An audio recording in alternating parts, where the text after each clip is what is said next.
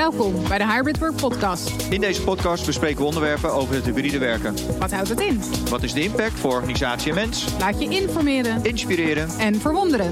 Blijf op de hoogte van de nieuwste afleveringen via onze website. hybridworkpodcast.com. Horen we jou binnenkort hier te gast? Of heb je ideeën? Laat het ons weten.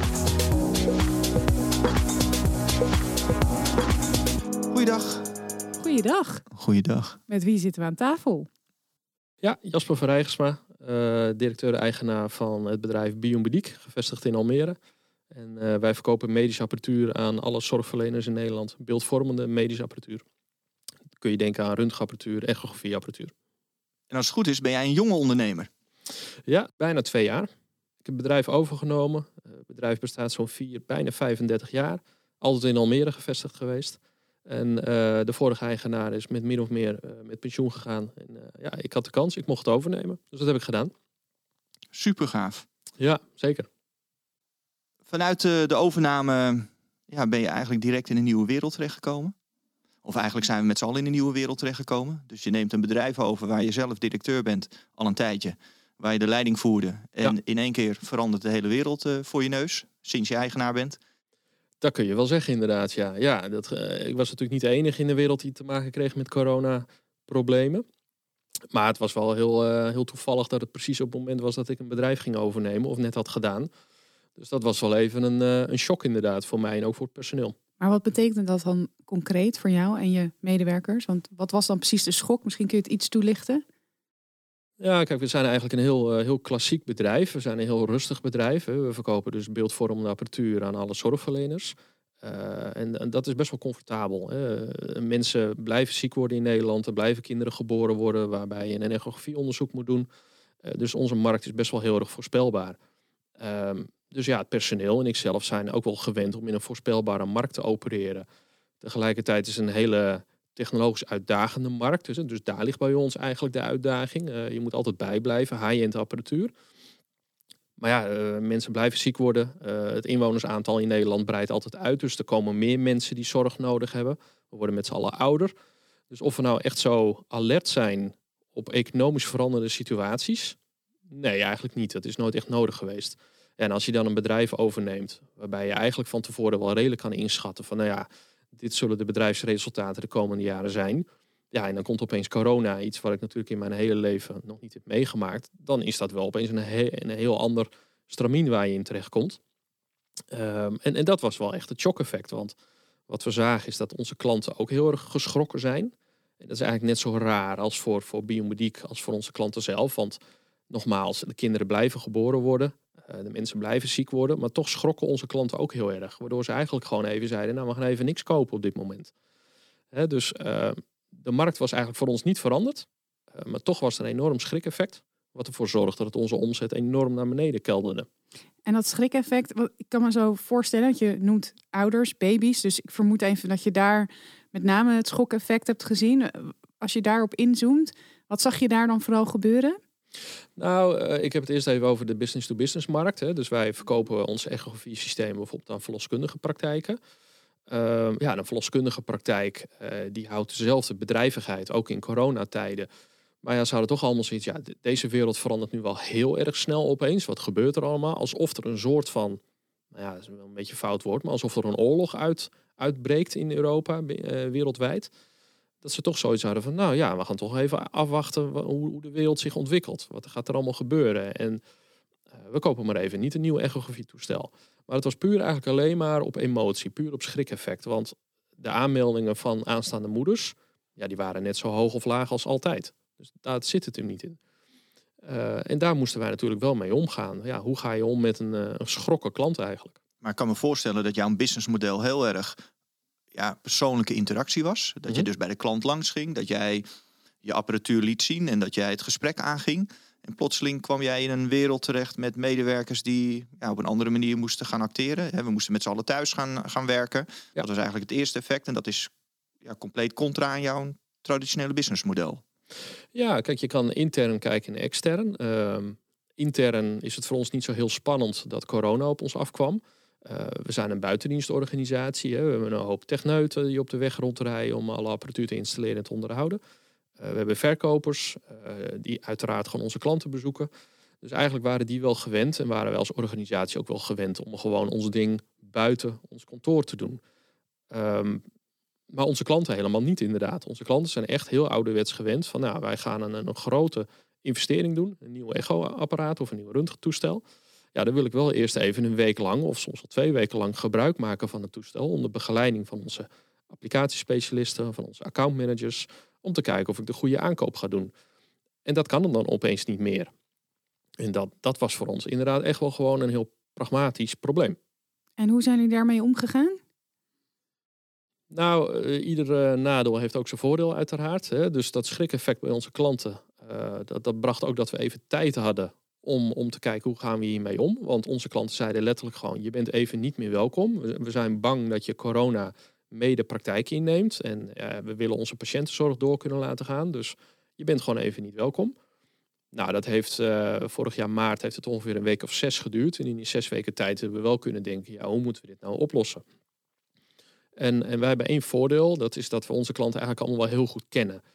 Uh, dus je krijgt ook wat tijd, je krijgt wat ruimte om, om je gewoon anders te profileren bij die klant. En dat hebben we heel pragmatisch uh, opgepakt door gewoon onze klanten te bellen en gewoon te vragen: wat verwachten jullie nu eigenlijk van ons hè, op dit moment? Gewoon wat kwetsbaar opgesteld, open vragen gesteld van ja, het lukt nu eventjes niet. maar jullie hebben ook gewoon onderhoud nodig, service nodig voor onze techneuten. Applicatiespecialisten die vragen blijven allemaal doorgaan. Wat verwachten jullie van ons? Hoe moeten we daarmee omgaan?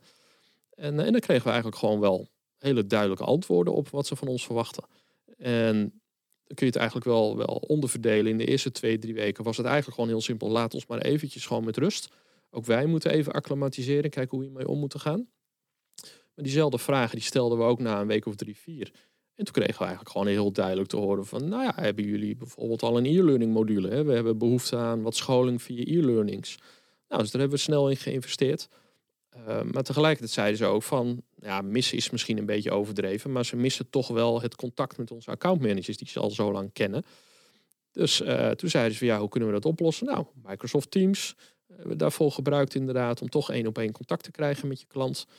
Um, maar dan merken we toch een beetje bij dat dat uh, bij onze doelgroep niet altijd even goed werkte. En dat Toen had niet of nu nog steeds niet? Nou ja, als, als je kijkt naar, naar zorgverleners, die worden heel erg ad hoc geregeerd. Hè? Uh, de gemiddelde huisarts wordt een paar keer op de dag gewoon onderbroken. Die moet dan weer weg, die moet uh, visites rijden, die heeft een spoedgeval. Dat geldt ook voor verloskundige praktijken. Hè? Een, een kind wat geboren gaat worden, moeten ze eigenlijk alles laten vallen en gelijk weer in de auto springen. Dus je zag iedere keer als wij zoiets plannen, ja, dat dan eigenlijk gewoon een beetje van een koude kermis thuis kwam, want het werd altijd onderbroken. Dus wij hebben er eigenlijk voor gekozen om veel meer video's op te nemen. dus wij, wij vragen aan de klant, wat is uw behoefte? Waar wilt u uitleg over? Of waar bent u in geïnteresseerd? En dan kost het heel veel, veel tijd voor ons om vervolgens een video te maken. Maar vervolgens wordt die wel goed bekeken. dus wij kunnen het dan heel persoonlijk maken. Want de accountmanager staat letterlijk voor de camera en legt aan de klanten uit die die al jaren kent van oké, zo werkt het en zo, zo kun je de toestel beter gebruiken.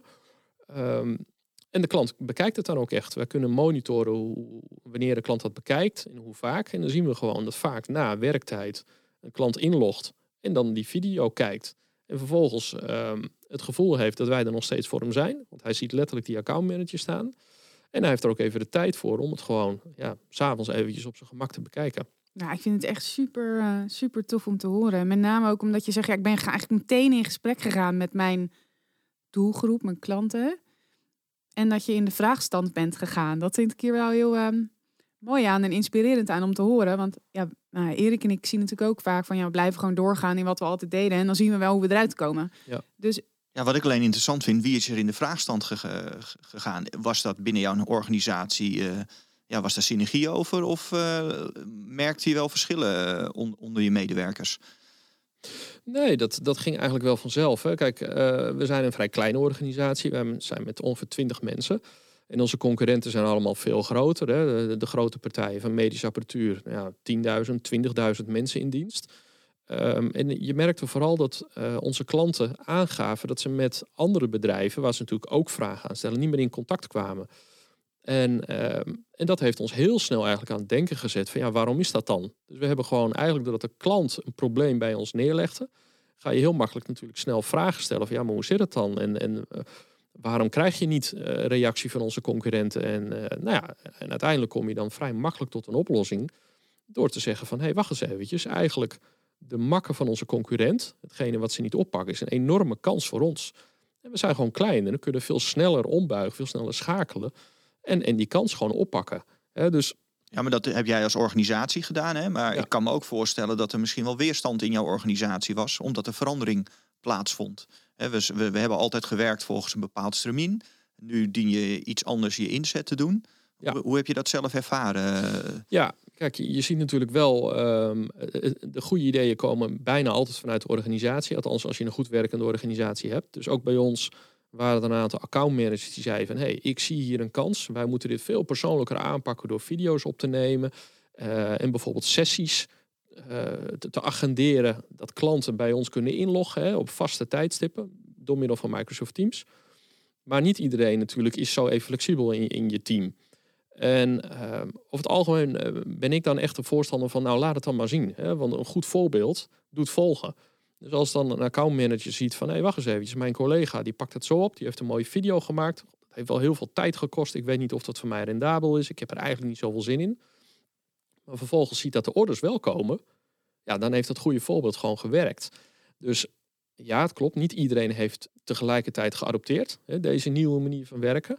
Maar uiteindelijk, als je het niet oplegt, maar gewoon eigenlijk je groep de gang laat gaan en laat zien dat het werkt, nou, dan is iedereen bij ons wel zo professioneel om te zeggen, nou oké, dan zat ik misschien ernaast, of ik zat even mis, maar ik ga dit nu ook doen. Want ja, de, de, de sales targets blijven natuurlijk gewoon hetzelfde. dus de drive om je target te halen is er gewoon. Um, maar leren ze het dus eigenlijk feiten van elkaar. En het hele account management team is dus over naar deze nieuwe manier van klanten ondersteunen. Nou, uh, natuurlijk hebben ze wel allemaal hun eigen sausje eroverheen gegoten. Uh, ze krijgen van mij echt wel vrijheid op een, op een eigen manier die markt te benaderen. Maar uh, de kern van het verhaal is wel van joh, pak de kansen die eigenlijk de concurrent laat liggen. En hoe je dat vervolgens invult op je eigen manier. De ene doet eigenlijk alleen maar video's opnemen. De ander doet veel meer online meetings plannen via Microsoft Teams. Dat laat ik een beetje in het midden. Hè. Ik als, als eindverantwoordelijk kijk natuurlijk gewoon naar het resultaat. Ik wil dat iedereen gewoon efficiënt zijn target haalt. Ja, en dat, dat gaat heel erg goed, maar wel op een eigen manier.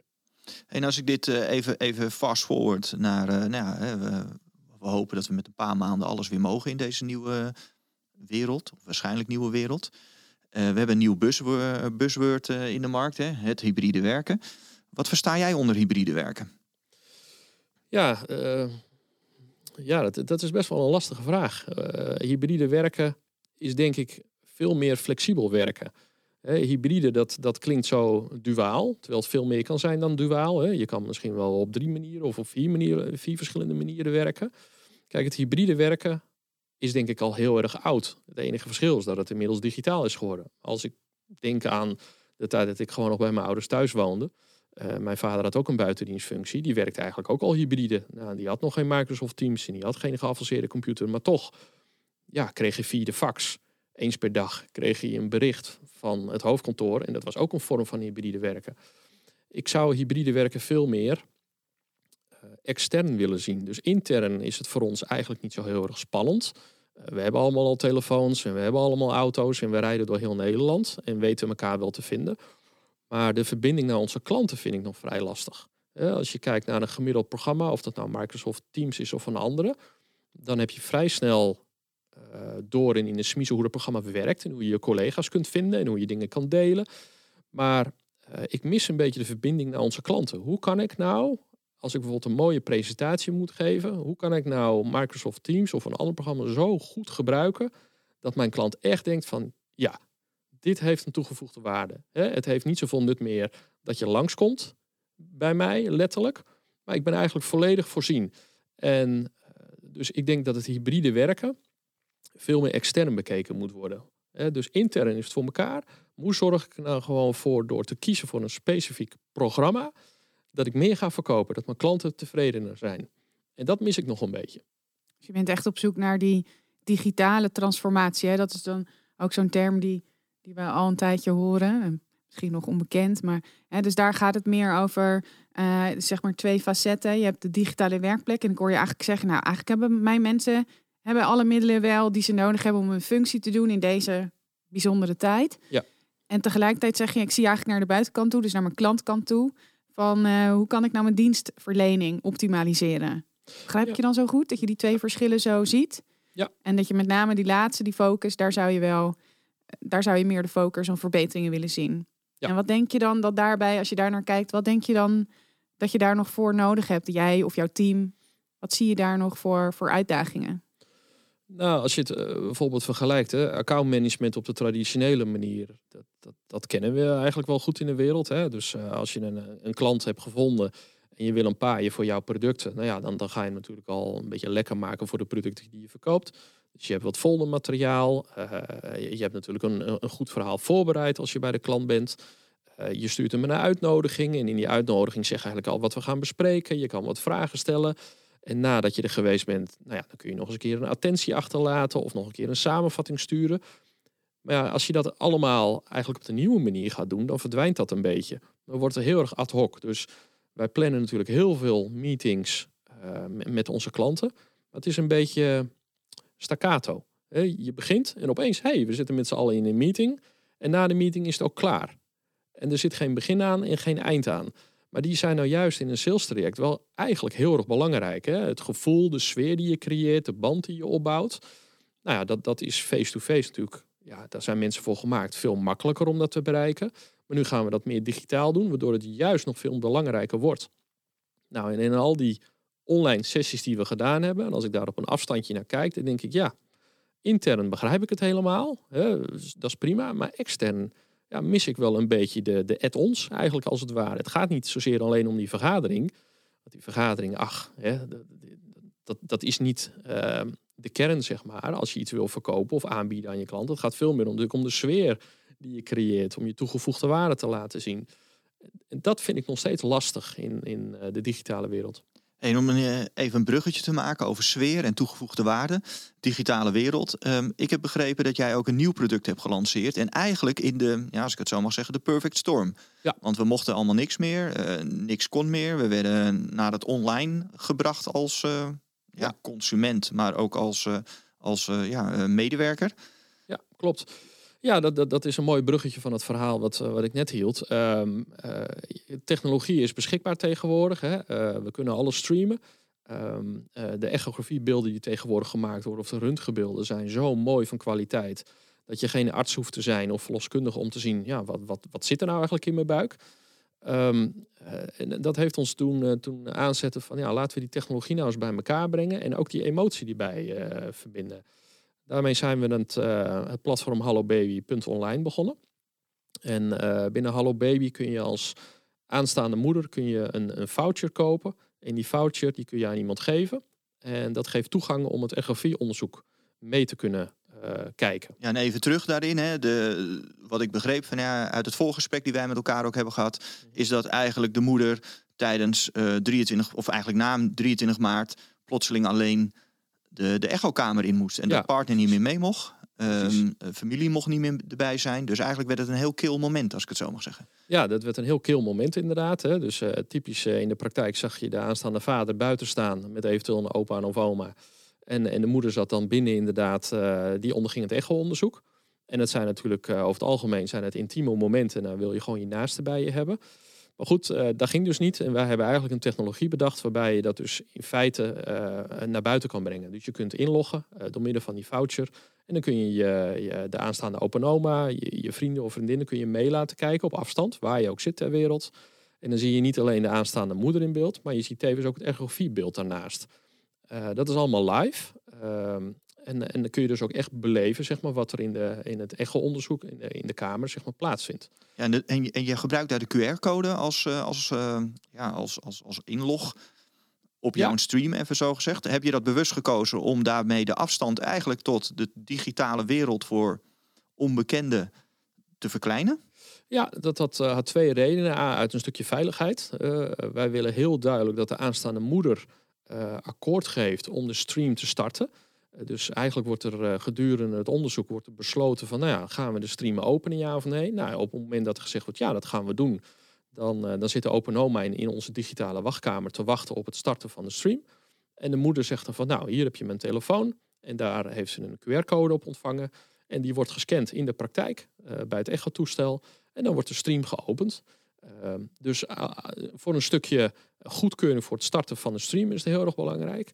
En B, het is tegenwoordig gewoon een, een standaard technologie wat iedereen begrijpt. Uh, op je telefoon ontvang je die QR-code. Die heb je altijd bij je. Ja, ja precies.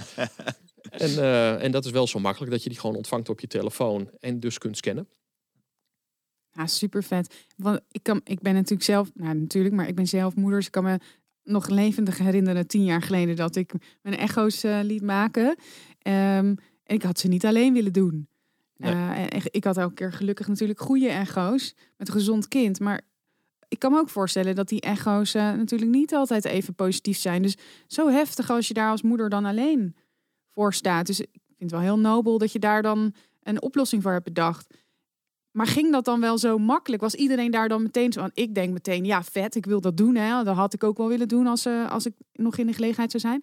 Heeft iedereen daar zo enthousiasmerend op, op gereageerd? Ja, en, en, en zie je misschien verschillen in de markt? He, zijn er gebieden in Nederland die er anders over denken? Want ja, dat zien wij ook terug bij, ons, uh, bij onze klanten. Wij zien dus adaptatieverschillen tussen West en Oost en Noord en Zuid. Ja, ja, ja tuurlijk. Het, het, is een nieuw product, een nieuwe dienst. En eh, zoals jullie waarschijnlijk weten, bij iedere lancering van een nieuw product heb je nog het een en ander te leren.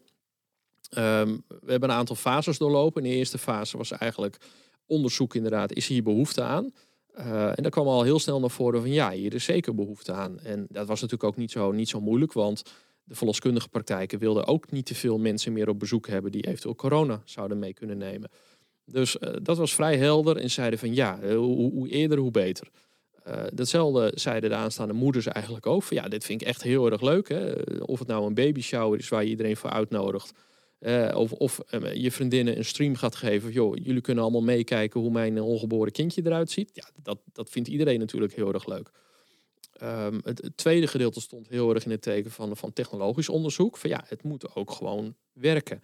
We, en veilig zijn en veilig zijn praktisch inderdaad. En, ja. praktisch. Nou, AVG, GDPR. Precies. Van alles ja. en nog wat inderdaad. Ja. Dus daar hebben we relatief veel tijd in gestopt. En daar kwamen uh, wel een een en ander uit de markt. Kwamen, kwamen er volgens wel meer vragen. Vooral van de verloskundige praktijken zelf. Dus niet van de aanstaande moeders. Maar meer vanuit de praktijk van ja, maar hoe moet ik dat dan zien? Staat de camera dan altijd aan bijvoorbeeld? Want dat, ja, dat vind ik toch vervelend. Of horen ze mij ook? Of kan ik hun ook horen qua geluid? Nou, allemaal meer vragen die technologisch waren. Nou, die hebben we ook allemaal beantwoord. En eigenlijk aan de hand van veel interviews zijn we tot, tot een, uh, ja, een goed verhaal gekomen. Een goed werkend product. En de derde fase was inderdaad eigenlijk marktadaptatie. Hè? Van ja, wat, wat vindt de markt hier nou eigenlijk van? En dan ga je adverteren op verschillende social media's. Je, je geeft dus wat interviews her en der. En dan zag je in eerste instantie ook van ja, dit is wel heel erg leuk. Hè? De foutjes werden veel verkocht. Maar vervolgens uh, heb je een werkend product. Uh, waarvan uh, de, de klant, de verloskundige praktijk ook zegt: Ik begrijp het helemaal. Maar dan zagen we toch wel dat de, de eindgebruiker, de aanstaande moeder of de mensen die meekijken aan de andere kant, ja, die vonden het toch nog wel lastig te begrijpen. En ik denk dat we die, die fase, die hadden we het minst verwacht dat dat problemen zouden ontstaan. Want we hebben gebruik gemaakt van veel grote pictogrammen, waar, waar het duidelijk in was hoe het werkt. Maar dan zag je toch nog wel terugkomen dat er nog wat vragen over kwamen. Dus de afgelopen maanden hebben we ook veel tijd geïnvesteerd in onze website om die nog gebruiksvriendelijker te maken. Ja, eigenlijk gewoon makkelijker te maken. En uh, op die manier ons uiteindelijk de eindgebruiker, die het, uh, het echt onderzoek mee kan kijken, om die altijd een goed gevoel te geven dat het gelukt is. Um, als je geografisch kijkt in, in Nederland, hoe, hoe, klein Nederland ook is, dan zien we toch nog wel wat, wat verschillen ontstaan. dat bepaalde gebieden in Nederland uh, wat minder vers zijn in de adaptatie van dit soort technologieën. Ook dat had ik niet helemaal verwacht, had ik niet op geanticipeerd. Maar in de praktijk zien we gewoon dat het aantal verkochte foutjes, vooral in centraal Nederland, uh, de Randstad, dat dat helemaal op schema, helemaal op plan ligt. Maar in de wat meer de oostelijke gebieden van Nederland, ja, dat het daar wat langzamer gaat. En heb je ook al een idee waardoor dat komt? Um, uh, A, denk ik gewoon, er wonen meer mensen natuurlijk in de Randstad, in het midden van Nederland. Hè, maar dat is wel echt een open deur. Um, maar ik denk dat het ook een stukje cultuur is. Uh, het, het, gaat er gewoon allemaal wat minder snel. Ik denk dat het ook niet veel meer is dan dat. Uh, uiteindelijk zal het daar ook gaan lukken, want ook daar wonen natuurlijk gewoon jonge aanstaande moeders en vaders. Maar het gaat er gewoon iets minder snel en het is nog een relatief nieuw product, dus nu valt dat nog op. Zijn we één of twee jaar verder, ja, dan zijn we dat, dan zijn we dat vergeten. Dan weten we niet meer. Dan zullen we geen verschil meer zien. Maar cultuur, hè, dat vind ik wel interessant. Hè? Dat zien we natuurlijk ook bij organisaties. Dus wat is het dan in die cultuur, denk je? Is het een bepaalde geslotenheid waar ze mee opgegroeid zijn? Of is het een afstand tot nieuw? Afstand tot nieuw, ja, precies. Dus heb je daar al een beetje onderzoek naar kunnen doen? Dat ben ik ook wel benieuwd naar, naar, hè, naar die verschillen die je dan daar hebt gezien. Nou, we hebben nog niet echt onderzoek gedaan dat je zegt, nou, dan, dan uh, via door middel van een bureau bijvoorbeeld inhuur. Uh, we zijn zelf natuurlijk wel ter rade gegaan van waar zou dat dan kunnen zitten. En uh, ik denk dat het uh, vrij logisch is om te zien hè, dat in, in de Randstad is alles gewoon meer open. Mensen zijn veel meer bereid om dingen te delen. Nou, dit is toch een vrij intiem moment. In een intiem moment, ja, dat is misschien ook wel een drempel om er even overheen te gaan. Ja, wil ik dat nou allemaal wel delen? Um, dus we zien in de Randstad, de eerste reactie over het algemeen is... joh, ik vind het leuk, al zet je het op Facebook. Alles mag, maakt helemaal Lekker niet schaamteloos. Schaamteloos. En in het oosten, in het noorden van Nederland, merken we toch meer van... ja, maar wat, wat wordt er dan allemaal gedeeld? En, en wat voor gevolgen heeft dat en wordt het opgenomen? Nou, het wordt niet opgenomen, maar het geeft wel aan dat daar meer vragen spelen van... oké, ja, maar ja, ik, ik, ik voel me even kwetsbaar. En wat vind ik daar nou van? Wil ik dat wel delen met anderen? Ja, en dan waarschijnlijk willen ze het wel delen. Hè? Dat zou dan kunnen. Dus een twee delen dingen die ik interessant vind is... wil je het delen? En ten tweede, hoe wordt het gedeeld? Dus hoe veilig ben ik daarbij? Hè? Want ik Precies. snap helemaal dat kwetsbare moment. Dat als iedereen bij je meekijkt. Ja, ja. He, dus dat, uh, dat is denk ik toch gewoon, uh, hoe klein Nederland ook is, gewoon een verschil in cultuur, in benadering. Uh, de, de, het is toch gewoon meer gesloten. Ja, zo kun je het wel zeggen. We zijn bijna ten einde van deze opname. Heb jij nog een tip voor de luisteraars met betrekking tot hybride werken? Wat kan jij mensen meegeven? Je gaf al een aantal zaken aan in jouw, uh, in jouw uh, stelling met betrekking tot ja, hè, laat je team zelf ook ontplooien in plaats van iets op te leggen. Ja. Uh, je, gaf een, je, je, gaf aan van joh, laat mensen zelf ook zaken uitvoeren om het resultaat te bekijken, te meten en, en, en ja, te delen in de organisatie. Ja, ja ik heb eigenlijk één, één belangrijke tip. Hè. We, we doen dit nu in Nederland en ook daarbuiten, zeg maar een jaar, hè, zijn we op deze, deze manier bezig. En ik denk dat het inderdaad wel tijd wordt dat je nu gewoon je klanten toch gewoon eens gaat vragen: ja, wat vind je er nou eigenlijk van? Eh, ik ben me nu een jaar lang eigenlijk aan het transformeren als bedrijf. we hebben veel intern gesproken over hoe moeten we het nou doen. Maar uiteindelijk gaat het er natuurlijk gewoon om van ja, is dit wat de klant van jou verwacht? En ik denk dat dat een hele simpele vraag is die te weinig gesteld wordt. Heb jij die vraag gekregen vanuit jouw leveranciers? Nee. Nee, geen één keer. Dat is ook bijzonder. Ja, ja daarom vind ik het zelf dus ook echt een open deur. Dat ik denk van, uh, laat je niet te veel leiden door de markt en nieuwe technologieën. Want ja, uiteindelijk moet je gewoon aan je klant vragen van, ja, is dit wat je van mij verwacht? En um, misschien zeggen alle klanten wel van, joh, allemaal leuk en aardig hoor, dat, uh, dat online en zo. Maar joh, ik, ik wil dat helemaal niet. Ik wil toch gewoon dat je het op een andere manier doet. En ga dan gewoon dat open gesprek aan. Het, het, moet geen doel op zich zijn. Eh, het moet heel erg ondersteunend zijn. En als een klant aangeeft, joh, het hoeft voor mij helemaal niet eh, op de manier hoe ik het nu inzet, vind ik te veel of te weinig, dan moet je je toch aanpassen. Uh, dus ik vind dat die vraag heel erg belangrijk is. En voor de, de, mensen in de organisatie is denk ik heel erg belangrijk. Kijk om je heen en kijk vooral wat je concurrenten niet doen. We hebben toch een beetje altijd het gevoel dat je moet kijken naar je concurrenten wat ze wel doen. Ik ben altijd van de stellige overtuiging, dat moet je helemaal niet willen. Je moet echt kijken naar je concurrenten en vooral kijken wat ze niet doen. En dat moet je wel gaan doen. Nou, die nemen we mee als uh, tip van deze week. Kijken wat je concurrenten gaan. niet doen. Ja, die ook. En in gesprek gaan. Ja, en in gesprek gaan. Ja, super. Ja, Zeker. Ik, heb er uh, veel van uh, opgestoken. Dankjewel. Jasper, dankjewel. Uh, waar kunnen wij Hello Baby vinden? Uiteraard, schaamteloos pluggen nu, Jasper. Ja, gewoon schaamteloos. Kan uit, hier. Uiteraard online op www.hallobaby.online. Super, dankjewel. En tot de volgende keer. Dankjewel. Blijf op de hoogte van de nieuwste afleveringen via onze website. hybridworkpodcast.com Horen we jou binnenkort hier te gast? Of heb je ideeën? Laat het ons weten.